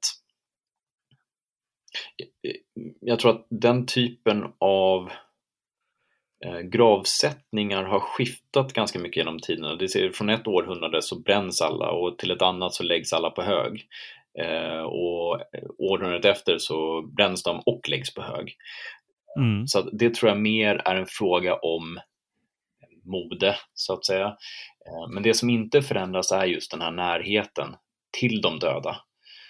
Mm. Eh, och eh, att de allt som oftast begravs i närheten av ditt hem. Alltså de, de begravs på din odal jord. Just det. Um, och det, där, ja. det, där är inte, det där är spännande för att vi i Sverige, vi är ju liksom, vi är men alltså det var ju typ flest människor i världen som tror på spöken. Jaha, ja, ja. Så ja. Um, jag, jag, tror inte det är så konstigt att det är så många som har berättat att de har upplevt saker och ting om döda släktingar, liksom, att de har fått ett infall eller någonting sånt där. Mm. Um, det, det, är väl inte så konstigt. Alltså, en, en, energi kan inte försvinna, energi kan bara omvandlas. Så. Ja, just det. Jag menar, det är ju någonting man har haft nära sig så stor del av livet. Ja. Det kan inte bara försvinna i ett... Uh, uh, sådär plötsligt med fingerknäpp. Nej. Det som har varit så närvarande så länge. Nej, sådana såna här gamla hedningar som mig själv eh, säger ju att eh, magkänslan, det är eh, det gudomliga eller dina förfäder som berättar någonting för dig. Mm. Så att ja, det är viktigt att känna den där känslan. Jag menar, helsike. Det, det är många sådana exempel som jag tror vi alla kan dra, att vi har fått en magkänsla om någonting och det har lett till eh, någonting viktigt. Att du inte åkte bilen och, för att du fick en känsla av att nej, det, jag ska nog inte åka bilen nu och så kom snöstormen. Eh, ja, det finns sådana där små saker som vi inte tänker på. Vi reflekterar inte över det. Eh, utan vi bara accepterar att vi får den där magkänslan och så ibland så följer vi den och ibland gör vi inte det och så går det åt helvete. Ja. Mm. Ja, det är sant. Eh, ja, men det, det är ju viktigt i, i sagorna. Där säger de ju, eh, kommer ihåg på ett ställe i Egil saga, så är det Egils pappa, eh, Skallagrim, som säger till Egils bror Torolv att eh, han, han trodde att det var sista gången de skulle ses. Det sades han, hans magkänsla. Ja. Och eh, då är det just den, det du beskriver här nu, att eh, ja, han, han, känner det på något sätt. Mm. Mm. Han lever ju med sig själv. Och ofta finns det ju inblandat i det finns det ju liksom artefakter. Mm. Som i den passagen så finns det även att han har fått en yxa som var dålig av Erik Blodyx. Mm som man sen ger tillbaka, så den var så värdelös, eller inte bra nog, som har någon, någon, symbolik. Men just de här artefakterna, men de kristna har ju korset till exempel, och eh, du pratade om din Torshammar, eller din Tors eh, statyett, eh, eh, och de spelar ju ofta en, en viktig roll, för då har du någonting helt konkret att ha på som fyller upp det här särskilda tillfället. Mm. Och har du några fler förslag på, på sådant som finns? Som jag har eller som? Ja, som du har eller du vet att andra har eh, ja, som är typiska. Eh, jag har en sten som jag hittade på, ja, jag har ju eh, ättlingar från England och mm. eh, vi var där på en stenstrand i Eastbourne, södra England. Och mm. eh, där går man ju runt och letar efter såna stenar med små urgröpningar i som man kan sätta ljus i. Det finns en del sådana. Och vi hade, ja. vi hade letat efter sådana där i typ två timmar. Och alla, hittade, alla mina släktingar hittade jättemånga och jag hittade inte en jävel. Så då sa jag, men nu, nu vill jag hitta en, en schysst sten. Liksom. Och då, det gjorde jag. Eh, jag hittade en sten som hade, den har slipat på havsbottnen så att det har blivit en odalruna på den. Ah. Eh, och det är ju rätt fantastiskt att hitta den. Ja, ja verkligen. Ja. Så den, den, står i mitt eh, altare hemma faktiskt. Häftigt. Min blodkniv är min morfars fjällkniv. Mm. Min blot, ska man säga, inte blodskål, men blodtillbringare i alla fall. Mm. Också från min morfar, en sån här jättegammal tennmugg eh, som har gått i släkten länge. Um, så jag har lite, lite smått och gott, jag har lite souvenirer från mina resor. Ja. Um, ja. Men det kan i, i princip vara vad som helst. Eh, foton tycker jag är någonting som, som är väldigt viktigt. Bägge mina föräldrar är döda, eh, så jag har dem och min morfar eh, på bild i, i mitt offeraltare. Mm. Och det är helt enkelt för att komma ihåg att även, även fast vi alla har haft liksom våra duster med föräldrar och släktingar överlag så är mm. de fortfarande en så en, en otroligt viktig del utav dig. Ja. Eh, det är som när man, eh, när man minns sina förfäder, även de som man då fysiskt inte kan minnas, eh, så ärar man ju alla de som har varit ärorika och ärefattiga. Så det liksom spelar ingen roll vem dina förfäder var, utan de spelar fortfarande en central roll för dig. För de mm. är en del i länken tills du blev till. Mm. Sen är det alltid roligare att ha coola namn liksom. Enda ättlingar och sådär. Liksom. Jag är släkt med han som tog in potatisen till Sverige, så det är ju coolt. Vad sa du? Du, du är släkt med? Han som tog in potatisen till Sverige. Ja, ja, ja just det. Ja, inte dåligt. Han heter alltså. Det är alltid... Nej, han, oh, ja. är det sant? Mm. Ja, jag, jag är släkt med Anders Celsius säger de. Jaha, vad ball. Ja. ja. Nej, så, men, um, nej, men sådana där saker är, är bra. Och det är också intressant här med släktforskningen, att det har ju fått ett jäkla uppsving alltså. Ja, det har det förstås. Ja. Och det tror jag också beror på just att vi har tappat så himla mycket av den naturliga närheten till vår, mm. till vår ett. Vi minns liksom inte ens namnet på de två generationer bort. Nej, just det. Utan eh, vi, vi satte in dem på hem och så får de ruttna där och dö liksom. Ja, det är sant. Det är verkligen sorgligt det där. Men det är ju det att det är vår brist på jag vet inte, när, närhet till jorden brukar jag alltid säga. Ja. Det bottnar ju ofta i det, alltså närhet till det, det är liksom en som praktisk grundläggande del av världen. Och när det förskjuts och alla blir förvärvsarbetare, att man inte får istället, att man inte får ett kuvert med pengar utan man får liksom en, en digital siffra istället. Varje sån grej gör ju att vi, vi tappar i förhållande till verklighet. Ja.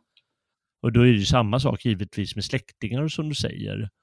Jag kommer inte ihåg, vet ju inte vad, vad, vad, vad mormor hette knappt folk. Ja, lite... Jag brukar alltså fråga mina, jag brukar fråga mina, äh, mina barn, mina elever, som en del, som en mycket enkel övning. Ja, men när, eh, när fyller din mamma år? Mm. Och personen är 35 och står mm, och vet liksom inte. Ja. Ja. Och det är ju förstås att det är någonting, liksom hela det här med ätten och släkten har tappat. Eh, och då samtidigt massa andra grejer i, i livet. Eh, har tappat liksom konkreta sambandet. Ja men verkligen, verkligen. Mm. Och det här syftet, att, eh, och den här pålitligheten. Vi står, ja. står så ensamma idag att vi, liksom, vi ska bara lita på staten. ja, det är verkligen rubbat. Ja, därför är det viktigt med sånt som, eh, ja, inte bara ett sånt här program, utan när folk pratar om Männerbund eller folk pratar om att eh, flytta till Elgarås och, och, och, och, bilda nya samhällen eller vad de nu ska göra. Att det, det är viktigare än man tror det där. Ja, oh ja. För livet är trots allt ganska skört. Ja. Mm. Du behöver bara göra ett snedsteg. Ja, Eller så är det bara någon faktiskt. annan som gör ett snedsteg. Ja, ja, ofta är det det också, ja. precis. Och så råkar du bara råka ut för det. Jo. Ja, det är sant. Eh, en, en intressant sak är platser för, för trons utövning. Du sa ditt, eh, var det offeraltare du sa? Ja. Ja, eh, och den står ju bara, antar jag, i hemmet någonstans. Kan du flytta på den? Flyttar du på den? Nej, det är en av hyllorna i mitt bibliotek. Ah, ja, okej. Ja. Bra. Omgiven Eh, av, vet du. vad sa du? Omgiven av kunskap. Det är där ett altare ska vara. Ah, ja, spännande. Eh, finns det några andra typiska, jag menar i, den- i den gamla tiden eh, så var ju lundar och källor och gläntor och en särskild strand och så var ju extra betydelsefulla. Ja, ja, absolut. Eh, Hur är det, med, hur är det nu för tiden med, med den här Asatro Folk Assembly? An, eh, håll, håller de särskilda eh, vet det, ritualer på sådana särskilda platser eller är det var som helst? ja, jag tror i Sverige så håller de väl på speciella platser. Eh, Mm. men ja, du har ju gamla Uppsala som ganska givet val. Där det har Ja, ganska ja, det är klart. genom åren.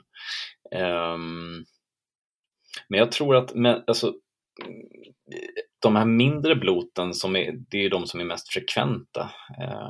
Det, de sker väl oftare, tror jag, på platser som betyder mycket för dig, alltså som Mm. individ. Mm. Ehm, jag till exempel blotar på min vedbacke. Mm. Där, där trivs jag, det, det, det är mitt ställe. Ja, Där, ja, eh, där svingar yxan i mitt anletes svett. Eh, just det. Så det är liksom en, en viktig plats för mig. Eh, Ja. Men jag kan tänka mig att det är flera som har offrat i närheten av eh, runstenar, gamla bronsåldersgravar och sådana där saker. Mhm. Ja, Mm. Jag tror inte att vi är lika styrda av det här med lundar och gläntor och sånt idag Nej. som de var förr. nej. Men en, en bra idé kan ju vara att tänka sig att alla de här gamla kyrkorna, de står på gamla blodplatser. Så Mm. hur ser de ut? Vart står kyrkorna någonstans? Jo, de, de står ju där, där andra ättlingar till dig har stått och blotat till andra gudar. Eh, Just det. och det är nästan, det är nästan alltid så alltså. När man åker Ja. på Frösön så, så hittar man ju ett stort altare under eh, kyrkan liksom. Och en hel del Ja. Jo, och, och grejer liksom. Så att Det, det, det är jättevanligt. ja, ja, ja, och det är inga konstigheter heller. Alltså, Nej.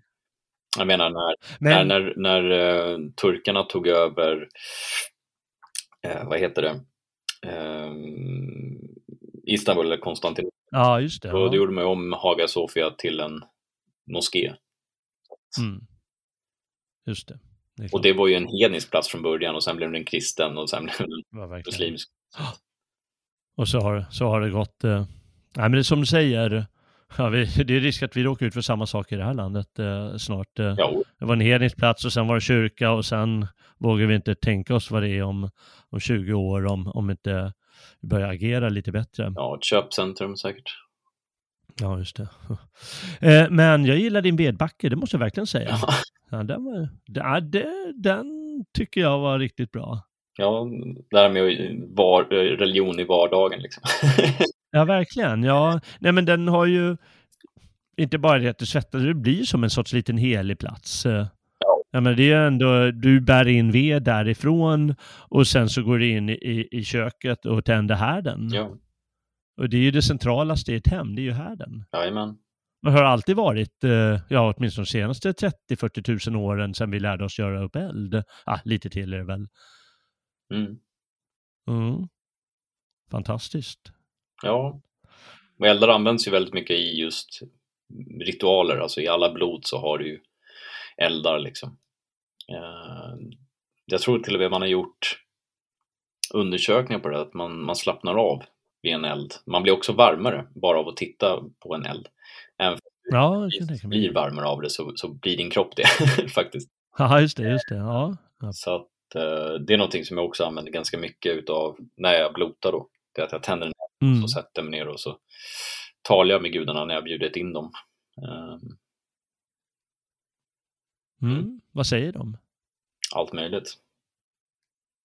Ja. Ja, är det är klart. Det är klart. Det, det, det är ju liksom Ofta så är det liksom ingivelser, att du förstår saker och ting. Eh, saker och ting, när, när du kopplar av och kommer i samklang med din inre natur så uppenbarar sig saker. Eh, lösningar på problem och att du blir införstådd i att det som tidigare var ett problem är egentligen inte ett problem. Du blir liksom rätt kalibrerad igen. Vi Mm. behöver nog alla koppla ifrån samtiden och bara tända en brasa och tänka på någonting annat. Ja, just det.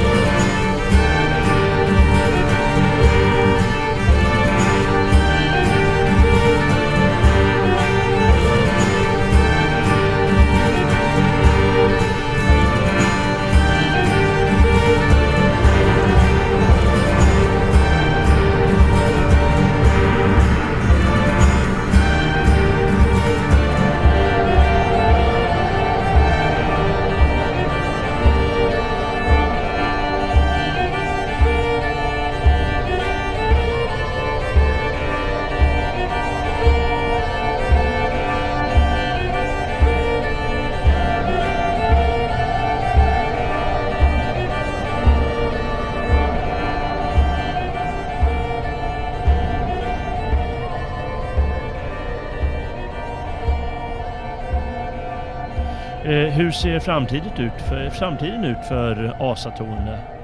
Jag tror, De blir ju fler och fler kan man läsa i tidningarna med jämna mellanrum, men jag vet liksom inte, jag har inga siffror framför mig. eh, nej, eh, det är betydligt vanligare än vad man tror faktiskt. Eh, Mm. det blev jag förvånad över eh, när jag reste runt lite i Europa också, att det, det fanns bra många fler hedningar än vad jag trodde. Ja, ja, alltså eh, nordiska hedningar eller allmänna hedningar? Nej, främst i Österlandet har jag varit då. Så i Ukraina och sådär fanns det väldigt Ja, just det. Ja. hedningar. Ja, där, men där är det lite vanligare i framförallt i Baltikum och, och sen då Ukraina och så. Kanske inte så i Polen, är, där finns det också, men där är de ju liksom grund, katoliker i, i grund, grunden. Ja, Litauen är ju väldigt många. Litauen är väldigt många, ja, precis ja. Eh, Men det, det märks att det väcks upp. Eh, Det som är eh, Ja, det är väl ett dubbeleggat svärd, men, men, men hedendomen växer upp på bred front. Och ett problem med det är ju att du har ju Det finns två olika typer av hedningar, kort och gott. Eh, och det är de som ser det som eh, någonting som, alltså eh, att det beror på blodet och Mm. så finns det de som är så universalister som bara, men en neger kan komma till Valhall. Liksom. Ja. Och det, det- är väldigt trist att även den biten växer. Den verkar växa mer i USA, tyck, eh, av det jag har sett och hört. Då. Eh, mer än vad den gör i Sverige. I Sverige har man väl inte märkt av så att det är de som har vuxit jättemycket. Men Asa tror folk tror jag blir större och större. Och det märks ju även när man är ute bland folk. Alltså det är... Torshammar är ganska vanlig idag faktiskt. Jo, jo, det är det. Men det är många som är, det finns ju så många sådana här eh, eh, medeltidsmarknader och, och det säljs ju ganska mycket sånt som, som krimskrams nästan. Eh, Och så fastnar folk, för de vill, ju, de vill ju ha någon cool symbol, men de vågar liksom inte ha ett kristet eller någon annan symbol, och då gillar de väl kanske den där. Ja, men jag, jag tror det är just den här naturliga dragningskraften till vår blodstro.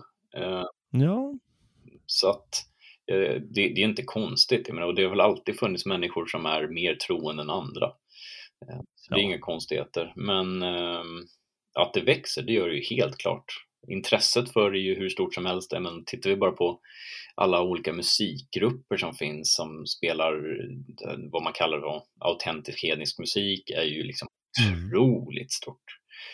Ehm, Så att det, det har ju funnits ett sug efter det här under väldigt lång tid. Eh, och jag tror att ju mer vilsen man blir av det här sjuka samhället, ju mer um, du blir bestulen på din identitet, desto större kommer det här också bli, för det blir ju alltid en motreaktion. Um, så att uh, jag, jag tror att det mycket väl kan bli så att om några generationer så kommer det stå eh, jättestora hedniska tempel på nordisk jord. Eh, Bara för att det blir som en motreaktion på det här sjuka som finns idag. Eh, ja, Så det är inga, ja det ser jag fram emot i så fall. Men eh, ja. mm, Nej, verkligen. Det låter väldigt förhoppningsingivande. Och eh, det som du säger, att det är en naturlig reaktion på ett stört samhälle. Och eh, ja, det, det är inte alls omöjligt. Jag ser ju framför mig hur, hur som den här stora bisarra staten, jag menar, den håller ju på att hugga av sig fötterna. mm, Och folk då automatiskt slår, sluter sig samman i olika samhällen. För att slippa grannar som de tycker är jobbiga. Alltså grannfolk eller folk, eh, främlingar. Eller eh, för att eh, helt enkelt ja, de trivs tillsammans eller känner igen varandra, känner någon, igen någonting i varandra. Ofta är det som du säger blod och hudfärg och så vidare. mm, Eller vanor. Eh, och då kommer ju det ena med det andra ja, då kommer ju ganska fort det här med eh, ritualer och med, med tro givetvis och, och gudar och tempel och allt vad man behöver. ja, och ju, Omöjligt är det inte att det blir så. Det är ganska... ju mer det här kollektivet utsätts för eh, yttre stress, desto fler som, och kraftfullare eh, ritualer kommer man också skapa. Mm. för att skapa en ännu större vi-känsla. Eh, Ja, precis. Att, Vilket behövs. Vilket behövs om man ska, om man ska, om det verkligen ska vara en gemenskap. Mm. Då behövs ju det. oh ja. Ja, ja det var väldigt eh, var trevligt eh, att komma fram till den slutsatsen. Har du någon, ja, någon sista grej du skulle vilja säga i det här sammanhanget? Ehm, ja, Mm. det finns massvis med saker att läsa. Ja, just det. Det var en punkt som vi båda har skrivit upp här. Ja, Ja, eh, men jag tänkte dra det kanske i en liten annan riktning. Men man kan ju Mm. läsa Egil Skallagrimsons saga, man kan läsa Eddorna, den poetiska Mm. och eh, den riktiga. mm, Eh, eller så- tvärtom.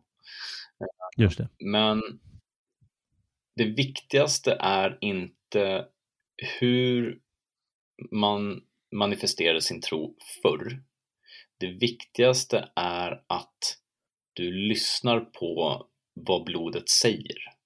Vilka ritualer ska du göra? Ja, det kan du ju komma fram till bäst själv. genom att helt enkelt bara öppna dig inför det gudomliga. Um, om du har en speciell bild av Oden till exempel så betyder inte det att bara för att jag har en annan bild av honom så är din bild av honom fel. Utan gudamakterna presenterar sig för sina följare på olika sätt. Ehm, jag har varit med om Oden som har presenterat sig som en, en skojfrisk gammal gubbe i drömmar och eh, i andra drömmar så har han varit döden själv. Så att eh, våga stå öppen inför intrycken eh, och lås dig inte vid det som står i text bara för att det skrivs ner för 800 år sedan. Det spelar liksom inte lika stor roll. Det du kan göra är att du läser eh, Havamal och så reflekterar lite över, att, över det som ska vara Odens tal. Hur relevant är det för dig? Är det här riktlinjer i ditt liv som du kan utnyttja, alltså som du kan nyttja, eh, som du kan förhålla dig till som en moralisk kompass genom livet. Ehm, poängen är att du ska fyllas av kraft och respekt och bli en bättre människa så att eh, din avkomma kommer att må mycket bättre och kommer bli starka nog att klara framtidens motgångar. Det handlar inte om att du ska liksom ta svamp och, eller ayahuasca eller något så här konstigt. Ehm, så skippa drogerna, öppna ditt sinne, ta ett djupt andetag, lyssna på vinden i trädkronorna och så höjer du upp en, eh, ett glas mjöd till gudarna och eh, dina förfäder så ska du se att du kommer få både en och två tips på vägen om hur du bör leva. Ja. Ja men det är bra sagt. Gott tips. Då slapp vi läsa också. Precis. Egentligen sitta här och bara läs då era slöa jävlar. Ja, just det. Ja. Nej, men det här med läsningen, det ska ju faktiskt, eh, det bör ju nämnas här att eh, som alla andra hedniska religioner, det är ju inte en skriftreligion. Nej, det är ju inte. Utan ja, man läser ju de här isländska sagorna och ja. dikterna och så för att det är skoj och för att det är våra förfäder som har skrivit dem. Jag tror och det är deras äventyr. Vad vi ger dem eh, äran för faktiskt. Alltså jag tycker mm. i Egil Skallagrimssons saga, hans dotter säger så här, men, eh, kom på ett kväde så ska jag rista det. Det är ju väldigt vardagligt liksom. Ja. Ehm, så att eh, nog fanns det liksom ett skriftspråk, men men jag menar... Ja, ja, ja, ja. Jag, nej, jag menar att det fanns religiösa skrifter, alltså som Bibeln ja. eller, eller Koranen eller Toran för judarna eller något sånt där. Och det fanns givetvis inte nej. bland hedningar. Nej, det var ju en väldigt oral tradition såklart. Ja. Men, eh, men ska du läsa någonting så läs de gamla sakerna för det, det är intressant att få en annan aspekt av saker och ting. Eh, och ska du lyssna på musik, ja, eh, jag kan varmt rekommendera Danheim. Det finns på Spotify och Youtube, jävligt bra. Mm. Mm. Ja, jag säger väl också att ja, men om man vill läsa det gamla eh, då bör man väl först, eh, man, man, går ju förstås till den poetiska Eddan för att det är roligt där, men om man inte vill läsa, om man vill läsa på prosa, då kan man ju läsa ehm, eh, Snorres, början på Snorres eh, nordiska kungasagor som handlar om svenskarna eller svearna, det är ju väldigt roligt och det är ju det som är närmast religiöst. Eh, ja om man vill ha lite modernare så finns det en bok eh, som de flesta kan komma, ihåg, komma åt på Logikförlag eller något sånt som heter Asa True, alltså en engelsk bok. Ja, den är bra. Ja, jag är inte så förtjust i allt som det, det blir ofta att det är lite för fint. De vill liksom skriva att det här är, ja, men det här är bra grejer, det är, det är fina grejer. Eh, men det är ändå det här med blodet och så som du sa förut. Mm som står där i, i, vi nämnde också den här boken av Kjell Östman som heter Den forna seden. Mm, ja. Eh, den, och den är ju trevlig, men det är också lite för positivt ibland. Ja, den, är, den, den, den tar bort, alltså för det första så, så blir det väldigt mycket så konflikt med, med kristendomen och sådär och det är så jävla less på det. Ja, det kan bli lite för mycket av det. Då är det liksom så att det, det blir mer liksom kontentan av den där boken är att gudamakterna inte är gudar. Och det, det är ju fel. Ja, just det. Mm. Man kan inte alls få mig att tro att våra förfäder inte såg gudarna som gudar. Det, det är ju mm. galet. Ja, just det. Ja, det är ju galet förstås. Var inte så progressiv, snälla. Nej, nej, man får inte vara progressiv. Det var gudar, alltså älvorna var älvor och trollen var troll och jättarna var ta med tusen jättar. Ja, men... Och, och, orden, han var ju orden. Ja, och inte så här att man... Ja, ja lä, läs den och så kan ni läsa någonting annat då. Men, eh, ja. men jag skulle säga så här, läs eh, många gre gamla grekiska grejer. Läs Odysseen, mm. läs, Beowulf. Ja, Beowulf förstås. Ja, det ska man göra. Jag menar, där är ju, om, du, om man tar bort Gud ur de där grejerna så, och mm. ersätter med någonting annat så blir det jävligt ballt. Ja, ja, just det. Ja, det blir det. Jo. Sen, sen, sen finns det ju, man kan läsa böcker om vikingar. Där står det ju också, står ju alltid lite om deras, eh, deras tro. Så det kom ju en bok för ett eller två år sedan om Gamla Uppsala när de liksom hittat de här stora processionspålarna. Mm -hmm som, som liksom leder fram till, eh, eh till eh, vet det, långhuset. Mm. Det var ja. Antar man. Och eh, där står det ju också förstås i sådana böcker om eh, om hur, hur tron utövades, vad det fanns för ritualer ibland, eller bara religionshistoriska böcker om nordisk hedendom. Och det finns ganska många, för det har varit väldigt populärt de senaste 20-30 åren. Det finns ju liksom universitetsprojekt där de ger ut sådana böcker. Det är akademisk litteratur ibland och ibland är det mer sån här populärvetenskap och eh, det, det, går både, det är liksom vad man tycker är roligast eh, och intressantast att läsa, men det, det ger också fin inspiration. Oh ja, oh ja. Mm. Det finns en bra bok som heter Förfädernas stämmor också. Jag vet inte om Logik fortfarande säljer den. Ah, ja, okej, okay, ja. Um... Mm. Just det, den har inte jag läst, men känner igen titeln så väl. Jag har en, en, en bok här av en av mina favoriter, Åke Olmarks, eh, som heter Svenskarnas religion. Mm -hmm. Vad spännande. Ja. Han och en annan gubbe som heter Bernt Gustafsson. Ja, de går igenom liksom hur, hur de menar då att eh, Åke Olmarks, han är ju vad man då skulle kalla spekulativ. Han är väldigt påhittig. Mm. Men han går igenom allting från bronsåldern och vikingatid och tidig kristendom och alla faser då. Och han skriver väldigt finurligt om, om det. Mm. Ja, det är häftigt. Jajamän.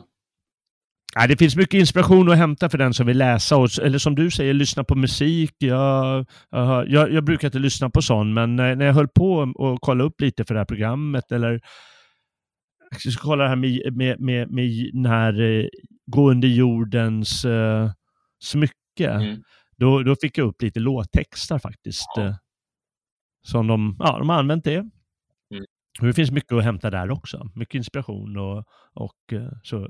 Så det tycker jag verkligen man kan ägna sig åt. Om man tycker att det är intressant förstås. Ja, men det tror jag våra lyssnare tycker. Under jordens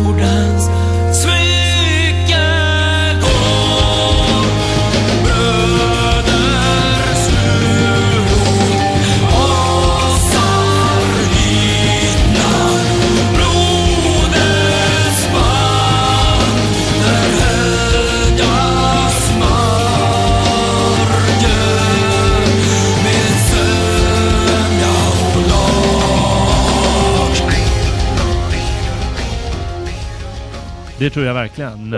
Och eh, ibland måste man bara ta steget som, eh, som eh, eh vad heter han, eh, ja, det är någon dansk filosof, säger. Ja. Ja, man får ta steget och eh, det är en första väg. Gå till Vedbacken.